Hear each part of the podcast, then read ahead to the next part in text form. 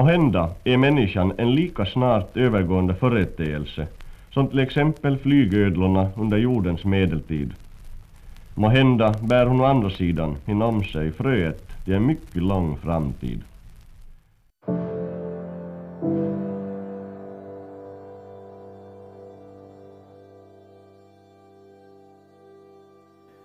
Dokumenterat sänder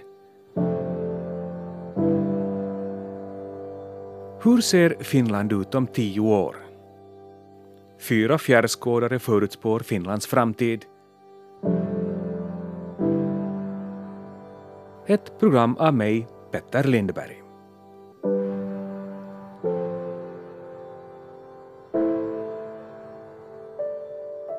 Det är inte lätt att veta hur vår framtid kommer att se ut. Är människan en övergående företeelse eller kan vi räkna med en framtid? Den här frågan som år 1938 ställdes av filosofie doktor Ole Eklund är minst lika aktuell idag i en värld som efter hans reflektioner upplevt ett nytt världskrig, en teknologisk revolution och en klimatförändring vars konsekvenser vi än så länge bara kan ana. I det här programmet ska jag ta reda på varför det är så svårt att förutspå framtiden om vi verkligen har verktyg att välja rätt framtid. Men i det här programmet ska också fyra fjärrskådare förutspå Finlands framtid. Vem vet, kanske vi om tio år så har vi så här, äh, bakelittelefoner som vi ringer varandra till genom att snurra på, inte ens på en skiva utan på en liten vev. En författare, en politiker. Jag tror att vi i grunden ser nog ungefär ut som vi gör idag. Finland och Sverige kommer att vara länder som är ännu mer urbaniserade och där landsbygden håller på att förvandlas till vildmark. En framtidsforskare och en spåkvinna. Om hela Finlands befolkning gick omkring och, och kände sig sådär riktigt härliga och glada i själen så tror jag ju också att eh, det skulle kunna lyfta er ett, ett steg högre. And now a word from our sponsor Multinational Flying Cars. Specialerbjudande på senaste slit och slängbilen. Inget underhåll, inga reservdelar. När tanken är tom är bilen slut. Håller sex veckor. Idealisk för semesterfirare.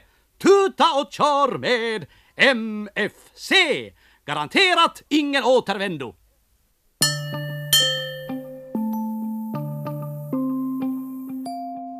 De flygande bilarna lyser alltjämt med sin frånvaro trots att man år 1972 i ett hörspel tänkte sig reklam för den moderna tidens åkdon.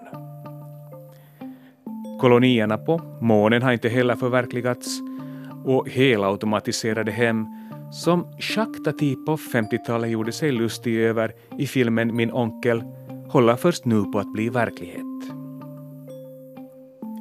Framtiden ser sällan ut som man tänkt sig den, kanske för att den är så mycket mer än den teknologiska utvecklingen.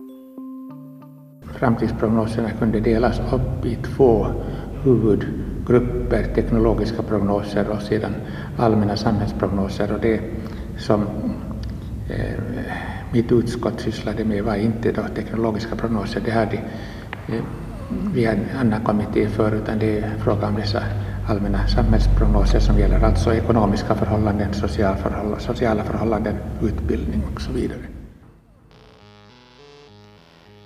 I slutet av 60-talet var framtidsforskningen en ny forskningsgren. Men redan då försökte forskaren Gunnar Fogstedt föreställa sig olika framtidsscenarion. Först nu på 1960-talet har man börjat tala om framtidsforskning. Och det nya som kommer in här i bilden för det första att man försöker förlänga tidsperspektivet.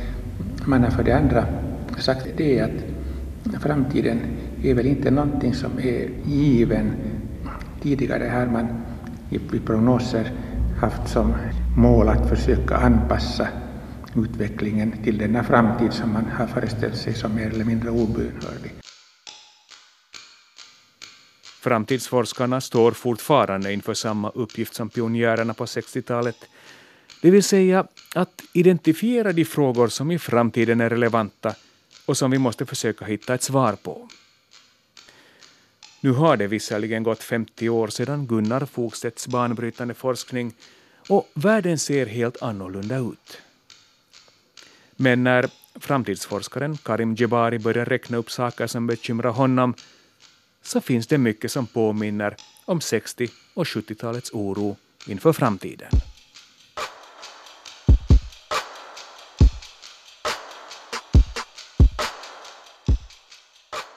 Klimatfrågan är en väldigt viktig fråga. Jag tror också att kärnvapen är en jätteviktig fråga. Därför, så som jag ser det nu så är kärnvapen det största eh, existentiella hotet mot mänskligheten. Och sen tycker jag också frågan om, om hur vi ska använda oss av den nya teknologin. Vi vet inte än riktigt, men det finns vissa studier som visar att användandet av sociala medier, särskilt bland ungdomar, leder till eh, minskad eh, lycka eller till, till depressionssymptom i alla fall. Men om det stämmer, då måste vi verkligen fråga oss hur ska vi göra här med den här teknologin? Men om vi blir olyckliga av den. Eh, så, så, jag tror att vi behöver helt enkelt en, en, en övergripande fråga om, om de här tre utmaningarna. Eh, I framtiden så det, det, är ju mycket svårare att säga. Vad, vad, kommer vi ha för utmaningar då? Jag tror att en eh, om givet att saker och ting går bra. Vi har inte bombat oss själva till stenåldern och vi, klar, vi verkar vara på väg att klara klimatkrisen. Så tror jag att en fråga handlar om hur ska vi säkerställa att, um, att vi kan klara framtida klimatkriser? För, eller liksom, vi vet inte vilken typ av miljökriser som kommer komma i framtiden som kommer påminna om klimatet. Men det finns en risk för att sådana kommer dyka upp. Och då tror jag att ett svar på den frågan är att försöka öka koordinationen länder emellan. Alltså att stärka internationella organisationer. Så att jag tror att en, en, en avgörande fråga helt enkelt kommer handla om hur skapar vi en globalisering som också gynnar vanliga människor och vanliga människors säkerhet, trygghet och så vidare. Och inte bara de globala finansiella eliterna, utan liksom en riktig globalisering som kan medverka till att lösa de här viktiga globala problemen. Mm. Men om man ser på hur världen ser ut idag så, så verkar ju liksom en, en övergripande eh, välvilligt inställd organisation till hela mänskligheten vara ganska avlägsen. Jo, absolut. Um, visst, det finns ju en jättestark motrörelse nu och jag, jag tror att den här motrörelsen som vi ser idag um, och vi ser den idag i Italien och i Paris inte minst. Jag tycker inte vi ska underskatta styrkan hos den. Det finns många personer som är väldigt optimistiska och säger att eh, ah, det där är bara lite gnäll. Liksom. De, det kommer gå över. De kommer inse att vi teknokratiska liberaler hade rätt hela tiden. Men jag är inte så övertygad. Jag tror att de här människorna har genuina skäl att vara arga och om man inte lyssnar på några av de här sakerna så, så, så tror jag att, att det väldigt snabbt kan gå och vrida tillbaka klockan vad gäller globaliseringen. Klimatkriser, kärnvapen och teknologi som gör oss olyckliga, listar Karim Jebari. Men om det är någon förutom framtidsforskarna som ska identifiera framtidens orosmoln och dessutom försöka skingra dem så är det politikerna, ett slags framtidsexperter, de också. Det är så här när livet är i direktsändning så, så är det inte alltid lätt att bedöma hur viktiga enskilda frågor kommer att se ut eller kommer att bli, men nu vet vi mycket mer. Det kallas också efterklokhet. Stefan Walline, riksdagsman och ordförande för framtidsutskottet, och på hans lista över viktiga samhällsfrågor finns förutom teknologin och klimatet också Finlands förhållande till grannen Ryssland. Det har varit Ryssland, det har varit framförallt kanske den här valperioden teknologiutvecklingen och sen skuggar vi eh, Finlands eh, arbete med, med FNs Agenda 2030 för hållbar utveckling där vi utgör den parlamentariska spelhalvan eh, där den andra spelhalvan utgörs av statsrådets kansli och statsminister. Så vi har sådana stora framtidsfrågor som är förstås jätteintressanta med tanke på egentligen allt. Så ni är ett slags nationell tankesmedja? No, man kan väl lite säga det och vi är mycket beroende av också utomstående experter. Vi har jättemycket sakkunniga från den akademiska världen, från organisationer, från näringslivet, eh, tredje sektorn. Och på det viset tankar vi eh, intryck och funderingar och sen skriver vi betänkanden, rapporter och sånt här. Rapporter och betänkanden i all ära, men de har sällan en förmåga att göra världen bättre. Och det är ju förstås det väsentliga, hur man lyckas inarbeta våra slutsatser och, och tankegångar. Och nu till exempel har vi en, en mycket diger, nästan 500 sidors rapport som heter Finlands 100 nya möjligheter, radikala teknologier. Och där vi har identifierat med hjälp av, av utomstående experter som de facto har skrivit rapporten eh, sådana innovationer, teknologier, trender som vi är alldeles säkra på att kommer i någon form att påverka vår framtid, vår arbetsmarknad, vårt samhälle, vår beskattning. Det, det finns massor med olika vinklar att ta tag i. Och den här rapporten försöker vi arbeta in väldigt, bra, väldigt eh, målmedvetet i förvaltningen, i det politiska beslutsfattandet, i regeringsbildningen och denna vecka, det vill säga i torsdags, så hade vi audiens hos republikens president som hade bjudit in oss eh, framtidsutskottet för att diskutera de här sakerna och han var uttryckligen inspirerad av den här teknologirapporten. Det behövs handlingskraft och planer, men framtiden handlar inte bara om teknologi, påminner Karim Jebari. När man tänker på framtiden, och det här tror jag är ett misstag som många framtidsforskare gör, att de tenderar att bara titta på den tekniska utvecklingen, vad är tekniskt möjligt? Och det tror jag är ett misstag, därför att man måste också fråga sig, vad är samhällsmässigt möjligt. Och det handlar inte bara om samhällsekonomi, utan det handlar också om, eller samhälls, alltså politik, utan det handlar också om ekonomi, om sociologi och psykologi. Alltså det finns vissa grejer som helt enkelt inte funkar rent psykologiskt. Men jag menar om man kollar på vilken typ av teknik som kommer gagna framtiden eller leda oss in på en väg som är bättre eh, så är det också en fråga där vi måste ta hänsyn till den mänskliga psykologin och det mänskliga samhället. Alla är medvetna om att till exempel teknologiutvecklingen kommer att påverka vår framtid väldigt mycket, påverka vår arbetsmarknad, jobb kommer att ryka, men också nya jobb, eh, arbetsbeskrivningar, titlar kommer att komma till i samband till exempel med robotiseringen och artificiell intelligens. Det som kanske en del eh, fäster mera uppmärksamhet vid än andra är kanske den etiska dimensionen på teknologiutvecklingen. Vad vill vi att den artificiella intelligensen ska göra? Är det ett självändamål att den ska bli smartare än vi?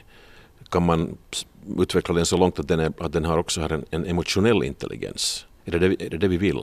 Det finns många etiska dimensioner på det här och det tycker jag är viktigt att väga in därför att världen är inte bara skruvar och muttrar och, och bits, nollor och ettor utan det är väldigt mycket uh, värdeval och vägval som ändå människan gör när det gäller åt vilket håll vi vill styra teknologiutvecklingen och det är en etisk fråga. Precis som Stefan Wallin säger så handlar det om val vi alla gör om att maximera allmännyttan. Men frågan är om det är teknologin som i framtiden ska skänka oss lycka eller något helt annat, säger författaren Hanneli Mikaela Taivassalo. Hur ser den där världen ut som vi vill leva i? Det har också eh, mera eh, med just känslor och eh, förhållanden och, och familjer och, och värderingar och ideologier eh, än det har med teknologi att göra. Teknologi är ju bara ett, ett verktyg, medel för att, för att leva medan allt det där är, är, är vårt liv. Hur ska det här byggas? Hur vill vi att det ska byggas? Och hur, vilken verklighet vill vi vara i? Och då är det liksom oberoende av om vi har flygande bilar eller inte flygande bilar så, så ska vi liksom... Hur ska vi ta hand om varandra? Hur ska vi liksom umgås med varandra och hur ska vi få den här världen att, att på något sätt också vara ekologiskt hållbar. Det, där kan teknologin kanske komma med svar, eh, men det är också så här helt konkret ett problem för oss och liksom så här kommer kanske att forma vår framtid för att vi måste göra, göra vissa val och välja bort saker. Men också hur ska den stad jag lever i, hur ska den fungera? Hur ska de människor som finns runt mig, eh, familj förstås, hur ska, hur ska vi ta hand om varandra, men också hur ska vi ta hand om de som vi inte är släkt med eller har band med, eller som vi känner eller sett, eller som vi umgås med ens, inte ens på sociala medier. Hur ska det som är liksom din okända nästa, hur ska vi ta hand om dem? Alltså hur ska vi bygga vårt samhälle socialt? Eh, kan vi kalla oss en välfärdsstat om vi inte tar hand om om andra. Hur ska vi vara generösa? Hur ska vi räkna ut liksom hur det marknadsekonomiskt lönar sig? Är det lönsamt att vara generös? Så där i långa loppet, ja, direkt är det, är det ju liksom ett svinn om man hassar sin generositet, men i det långa loppet så ska du också eh, och jag också finnas i det här samhället. Och för att vi ska vilja finnas här så, så finns det också andra värderingar än, än det där ekonomiska, det där att få.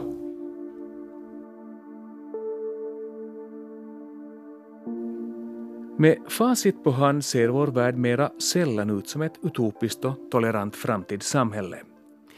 Snarare som dess dystopiska motsats där individen ska göra rätt för sig, lite som i författaren Hanneli Mikaela Taivassalos serieroman Skandorama. På ett sätt så tänker jag mig just eh, att, att dystopier fungerar hemskt bra för att, att kunna, kunna tänka.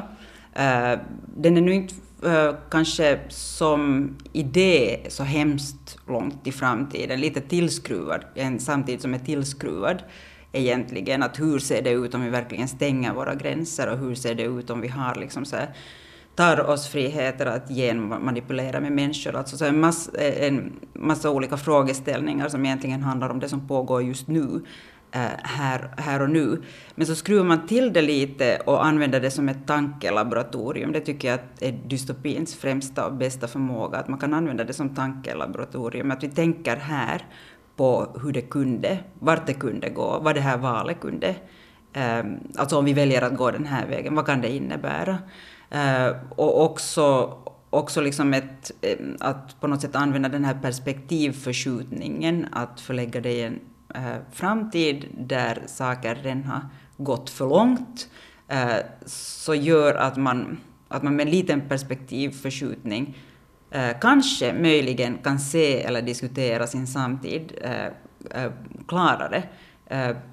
och på något sätt så tror jag att just dystopin som vad ska man säga, som form eh, kan användas för att syna sin samtid politiskt på olika sätt. Ett ställe att tänka i, helt enkelt.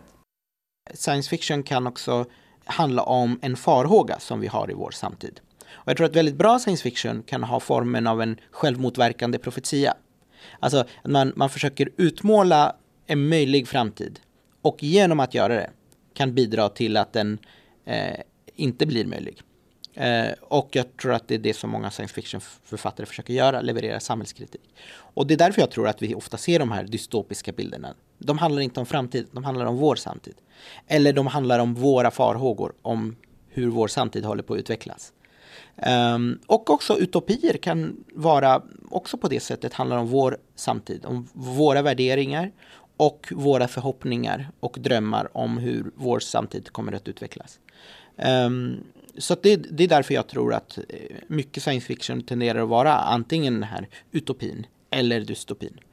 Um, men, men jag tror att så syftet med science fiction är ju inte att ge en så pass korrekt bild av av framtiden som möjligt, utan det är att föra en diskussion i samtiden, om samtiden, eller om hur samtiden blir en framtid. Och, och det är där jag tänker att som framtidsforskare så läser vi väldigt mycket, eller jag gör det i alla fall, läser väldigt mycket science fiction, jag älskar science fiction. Men det är också väldigt viktigt att inte falla i någon av de fällorna, i de groparna, därför att framtiden kommer inte bli en dystopi och det kommer inte bli en utopi. Det kommer vara någonting mitt emellan. Alltså ungefär som vår samtid är. Inte är en utopi och det är inte en dystopi. Det kan vara bättre i vissa avseenden, kanske sämre i några avseenden. Eh, och det är väl det vi försöker ta reda på. det som idag verkar kanske lite diffust så kan ändå bli en möjlighet i framtiden. Men vi har i framtidsutskottet också koncentrerat oss på ett dystopiskt samhälle, det vill säga en, en, en negativ framtidsuppfattning. Och det gör vi också därför att det, det, är bra att vara förberedd på också den, den biten. Och, och till exempel när det gäller Ryssland som jag själv koncentrerade mig på förra valperioden i utskottet så gjorde vi ett sånt fyrfält, olika scenarier för Rysslands utveckling. Mera utopiska eller positiva och sen dystopiska, det vill säga negativa med låga förväntningar. Och dessvärre har de här sistnämnda förverkligats. Och vi som utredde de här sakerna var kanske inte så förvånade men men kanske för andra så kan det vara en, en överraskning. Mm. Men man vill ju gärna se kanske den där möjligheten istället för den där hotbilden. No, det tycker jag också är en rimlig utgångspunkt. Man ska inte vara blåögd, naiv, eh, sticka huvudet i sanden och ducka för risker eller problem eller, eller, eller uppenbara så att säga dystopiska scenarier. Men ändå ska man utgå ifrån att vi kan ändå påverka vår framtid. För vem ska kunna påverka den om inte vi själva? Och det betyder att vi också ska påverka den i, i, i, en, i en positiv riktning som vi själva upplever att vi kan kontrollera och behärska och som vi känner att kan ge oss ett bättre liv helt enkelt i framtiden. Så att utan vidare ska vi ha en positiv framtidsuppfattning. Inse riskerna, inse fallgroparna och minfälten men framförallt se möjligheterna och soluppgången. Ta ditt öde i egna händer, bli din egen lyckas smed. Låter som lite fåfänga uppmaningar i en värld där vi allt oftare ska underordna oss en nyttoaspekt. Är duktighet, tillgänglighet och flexibilitet verkligen de dygder som vi i framtiden vill efterfölja, undrar han eller Mikaela Taivassalo.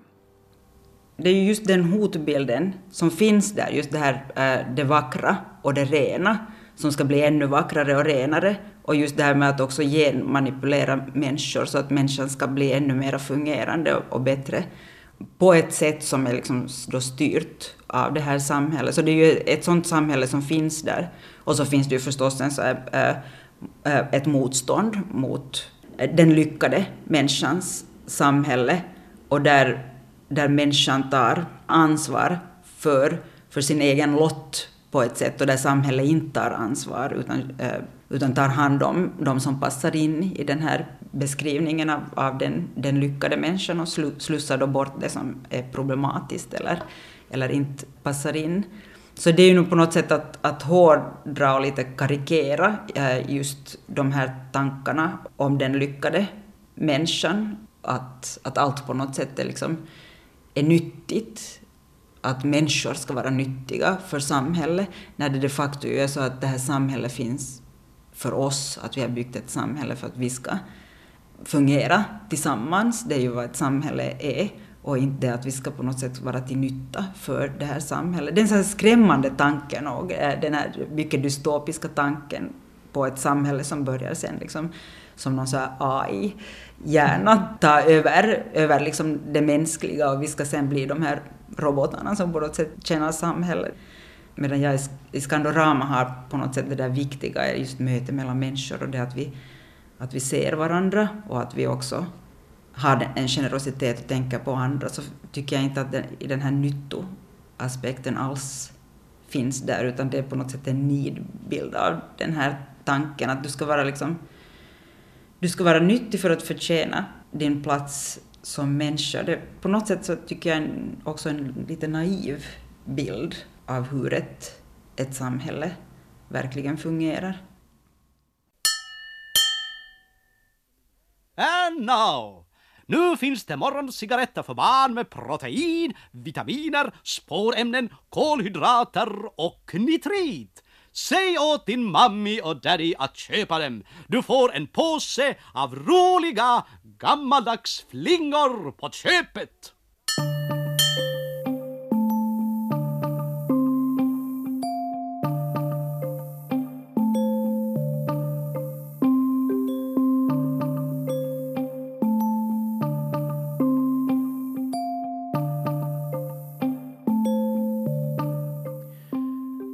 Oberoende hur man ser på framtiden, med spänd förväntan eller misstro, som i den här påhittade reklamen från 1972, så poängterar framtidsforskaren Karim Jebari att svaren på framtidens frågor ofta kan sökas i historien. Historia kan lära oss någonting om framtiden därför att när man studerar, framförallt när man studerar teknologins historia eller ekonomisk historia, så kan man se hur vissa typer av fenomen har mycket större genomslag eh, eh, än andra. Vissa tekniska innovationer som säg till exempel elektrifieringen eller, eh, eller järnvägarna eh, eller eh, tryckpressen. Alltså att vissa av de, de, de här uppfinningarna får jättestora genomslag, inte bara att de blir populära utan att de förändrar de materiella eh, och politiska villkoren för samhället. Så att jag tänk, så ett sätt är att tänka vad har de här sakerna gemensamt? Och vad har de gemensamt med fenomen som vi ser idag som ännu inte har förändrat samhället på dessa sätt? Eh, och där är till exempel artificiell intelligens en sån sak som jag tror i vissa avseenden har några saker gemensamt med elektricitet och med eh, tryckpressen. Det, det, är info, det, är en sorts teknologi som möjliggör andra teknologier och som möjliggör hanteringen av information och spridningen av information och analysen av information. Och jag tror att än så länge så är, är artificiell intelligens i sin linda. Det har ännu inte påverkat samhället så mycket. Jag menar, du har ju de här Facebook och Google och de har ju väldigt mycket artificiell intelligens i, sina, i sitt maskineri. Men det, det har inte kommit ut i skolor eller polisstationer eller eh, sjukhus än. Eh, och, och, det, och det är det jag är intresserad av. Hur, kan, hur kommer artificiell intelligens att förändra den väg vi tar?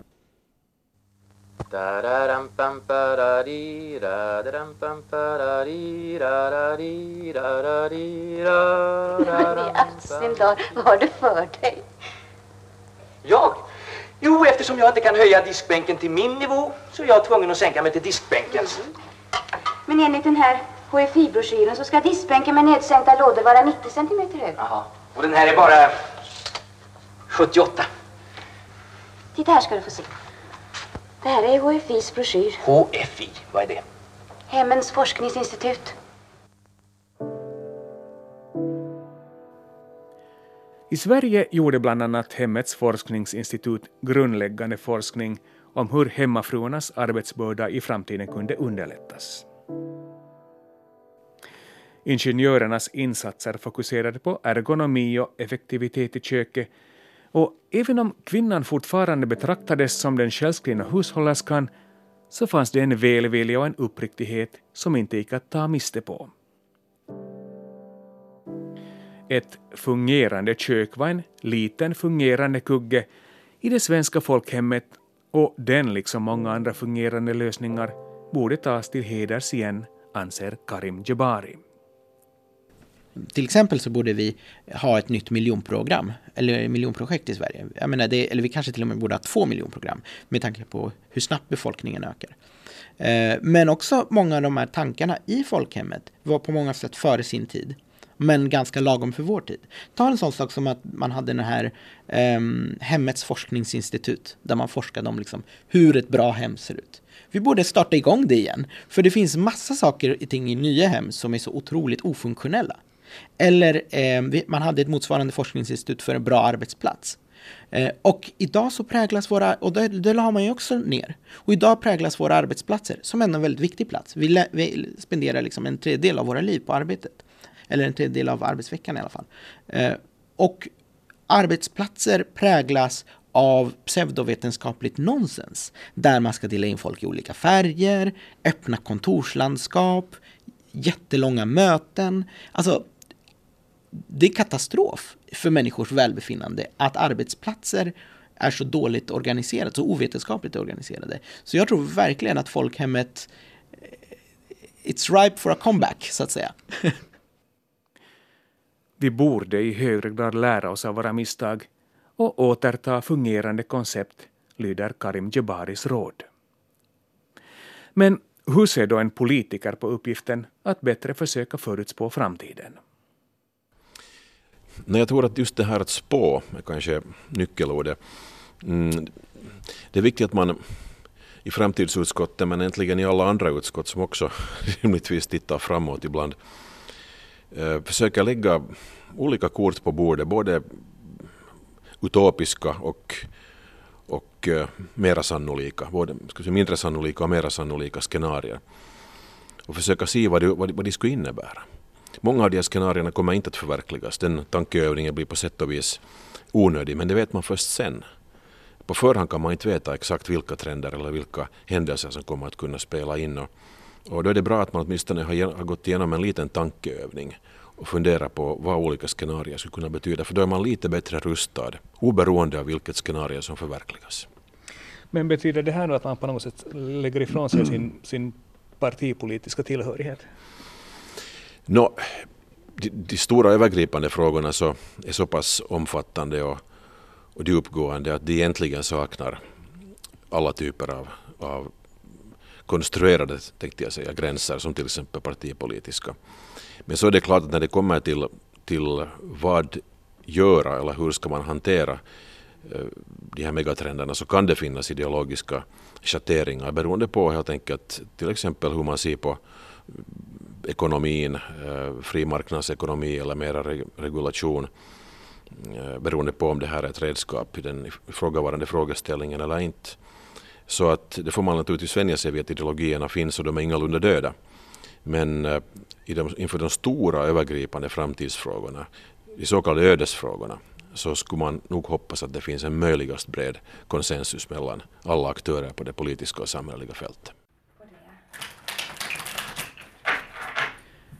Stefan Wallin efterlyser enighet och innovationer men historiens backspegel visar att mänsklighetens försök att gardera sig mot krig och kriser ofta slagit fel.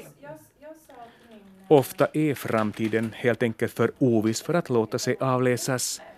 Men ett försök är det minsann värt, om den så ska spås i tarotkort. Det är väl bara en känsla. Eh, jag kan säga så här att ehm, sådana olika tarotkortlekar, de, de talar till en. Det finns vissa lekar som man eh, absolut inte får någon kontakt med så att de köper man inte eller de använder man inte. Eh, och sen finns det vissa kort som man bara ser klockrent i med en gång. Och det, det, är lite grann som att prova ut glasögon brukar jag säga när jag håller kurser i att lära sig att läsa medialt som jag gör. Jag läser inte enligt den klassiska läran där man, där man lär sig 78 kort utan till utan jag tittar på bilderna och när jag tittar på bilderna så börjar jag se inre bilder och så kommer det till med massa grejer. Och då är det ju viktigt att de här bilderna är i ens smak på något sätt. Så att, man, att bilderna talar till en. Så att det är lite grann som att prova ut rätt styrka på glasögonen. Serafia Andersson är spådam och också hon ska ta sig an Finlands framtid.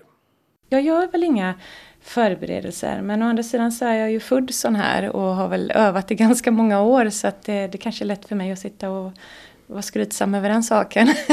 det är ju ett heltidsyrke som jag har haft länge nu men eh, eh, jag, jag, tänker på det du frågar mig eller det du vill att jag ska gå in och, och, titta på i energin. Och sen så är det det jag fokuserar på och sen så eh, har jag ju korten som ett verktyg till att ställa in kanalen, att börja se kan man säga. I det här fallet Finlands framtid. Och sen drar jag korten och så får vi se vad de säger. Och jag kan ju välja i för, eh, före då om jag vill att det är eh, guider som pratar med mig eller om det är andevärlden eller vad ska man säga, källan kan en, det högsta goda kan man säga då. Det som många kallar för Gud eller för ljuset eller för eh, får man säga den här eh, energikärnan varifrån vi, vi tankar vår livsenergi till själen. Den, den kan man ju ha kontakt med och jag tycker att man får bäst svar från den för det, det är ju liksom den högsta upplysta källan. Eh, en del vill prata med änglar och så vidare. Det, det kan jag ju välja innan. Vilka är det som får svara? No, ska vi se hur långt vi kommer med Finland eller hur Finland mm. ser ut om tio år enligt korten? Ja, ska vi köra på det? Det gör vi. Ja, då kör vi på det. Och nu sitter jag här, jag har ju tagit med mig tre stycken kortlekar idag. Ja. Mm. Och, eh, och detta var för att de ville att jag skulle ha med mig tre, det sa de. Jag har en andeguide som heter Signe. Eh, en väldigt eh, härlig eh, kvinna runt 45-årsåldern. Vi är ungefär jämngamla hon och jag. Eh, och jag tror vi ska börja med den här. Det första de säger när jag drar här, om tio år så får jag kortet blomstring som du ser här. Och jag får ju en väldigt positiv känsla för eh, Finland. Det är mycket som har blomstrat. Och de säger till mig så att Finland är ett, ett eh, modernt land, ett nyskapande land eh, och ett kreativt land. Så ni har eh, mycket lösningar på eventuella problem som dyker upp. Jag tror att vi i grunden ser nog ungefär ut som vi gör idag. Och jag tror som optimist som jag är att vi klarar oss ganska bra. Också i den globala konkurrensen men också med tanke på vår egen självbild. Men det kan vi påverka också själva hur det blir. Och då handlar det förstås om att hur vi kan hantera vår demografiska utveckling där de gamla inte eh, alls är för många men det är de unga som är för få. Och invandring är en lösning på det här, det här problemet. Och sen förstås hur vi hanterar vår miljö, klimatförändringen, det är också en etisk fråga med tanke på framtidens generationer. Och sen förstås hur vi lyckas så att säga, utveckla vårt, vårt näringsliv och vår demokrati. Och det också hänger ihop. Vågar du dig på en gissning hur Finland ser ut om tio år? På tio år tror jag inte att, äh, att det är hemskt mycket som, som förändras. Det som jag hopp, hoppas på är ju att, att nu har ju på något sätt varit i en, i en sorts eh, feministisk och annars i övrigt också liksom så här jämlikhetsmässig backlash här ganska länge. Och jag hoppas att det på det planet inte går ännu längre bakåt utan att den här, att den här backlashen kan, kan vändas och att man, att man satsar då eh, på just skolor, bildning eh, och sånt, vilket är en investering, om vi ska tala det här språket, en investering i eh, jämlikhet, jämlik utbildning som vi har haft här och fortsätta liksom på, på de linjerna istället för att skära ned och också att, att man inser att vi liksom kan ta tillvara välfärdssamhället som, som vi har haft. Om tio år så tror jag att många eh, mindre städer eh, eller mindre byar i Sverige och Finland kommer ha evakuerats. Så man, de kommer att, det kommer inte vara några där helt enkelt. Och att städerna kommer ha växt mycket mer. Um, och att eftersom man inte vill lämna de gamla ensamma i, i de här små, små byarna så, så har man liksom flyttat dem till större städer. Alltså frivilligt förstås.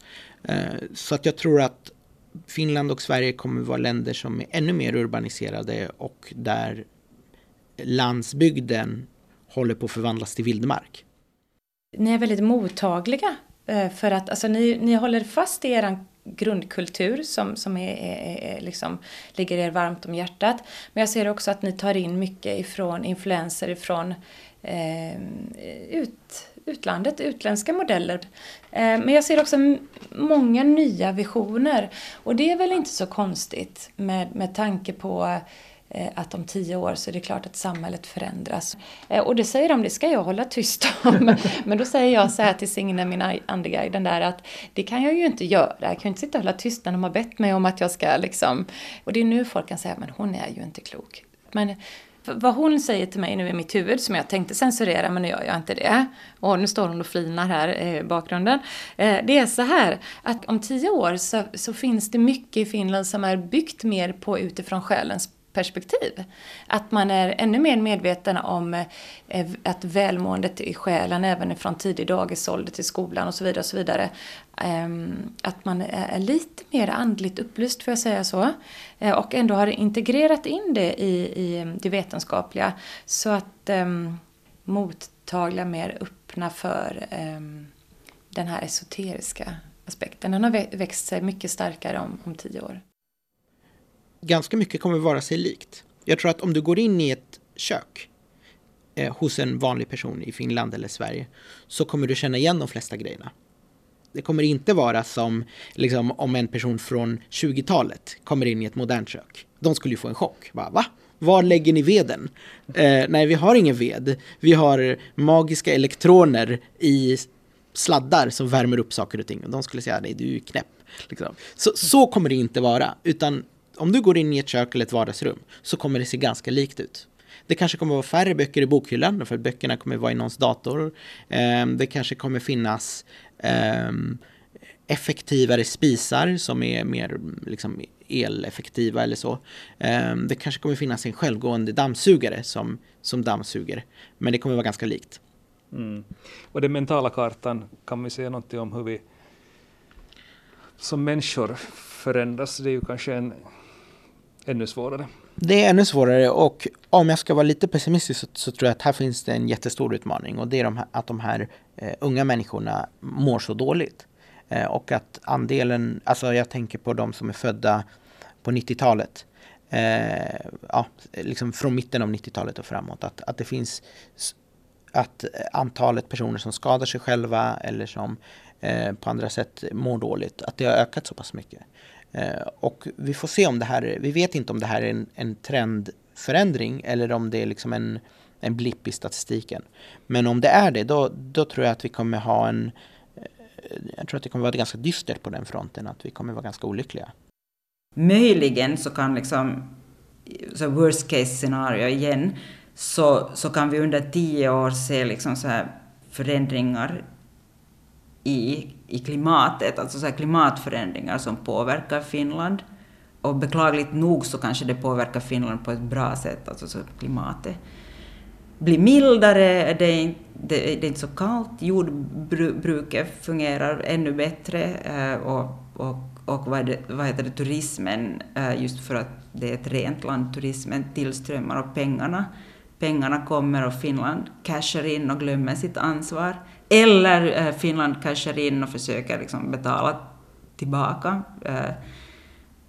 Men Finland är, skulle kunna vara teknologiskt ett framgångsland just när det gäller så ekologiska, nya ekologiska lösningar. Nå, no, men vi får återkomma om tio år.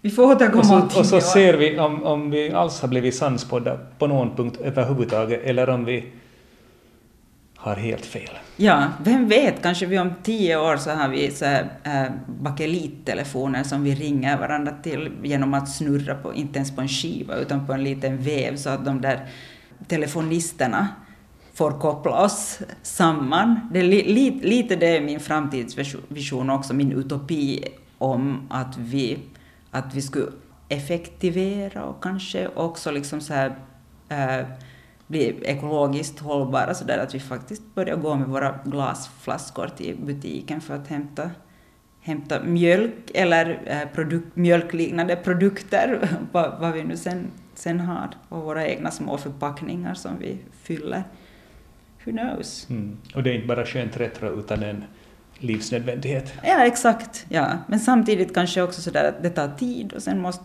det få ta den tiden och, eh, och då vi, behöver vi inte stå där och vara flexibla.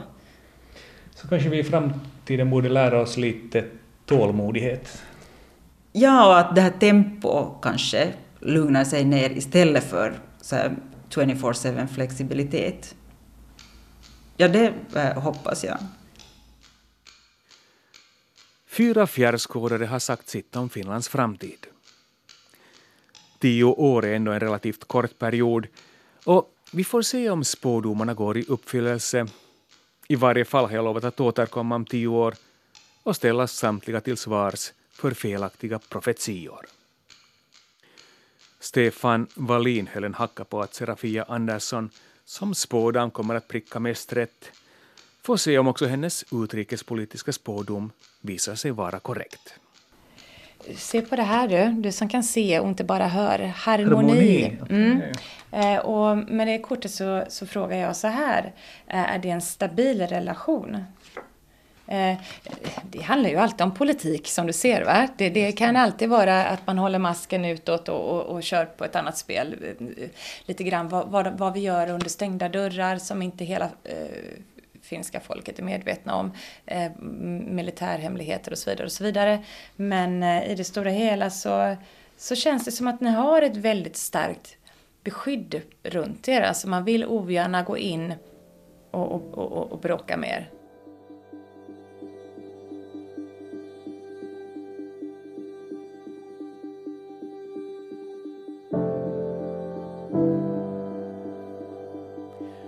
Du har hört hur ser Finland ut om tio år? Fyra fjärrskådare förutspår Finlands framtid. I programmet medverkade politikern Stefan Wallin, författaren Hannele Mikaela Taivassalo, siaren Serafia Andersson och Karim Jebari, framtidsforskare på Institutet för framtidsstudier. Mitt namn är Petter Lindberg för ljuddesignen stod Anne Heikkilä och producent var Staffan von Martens.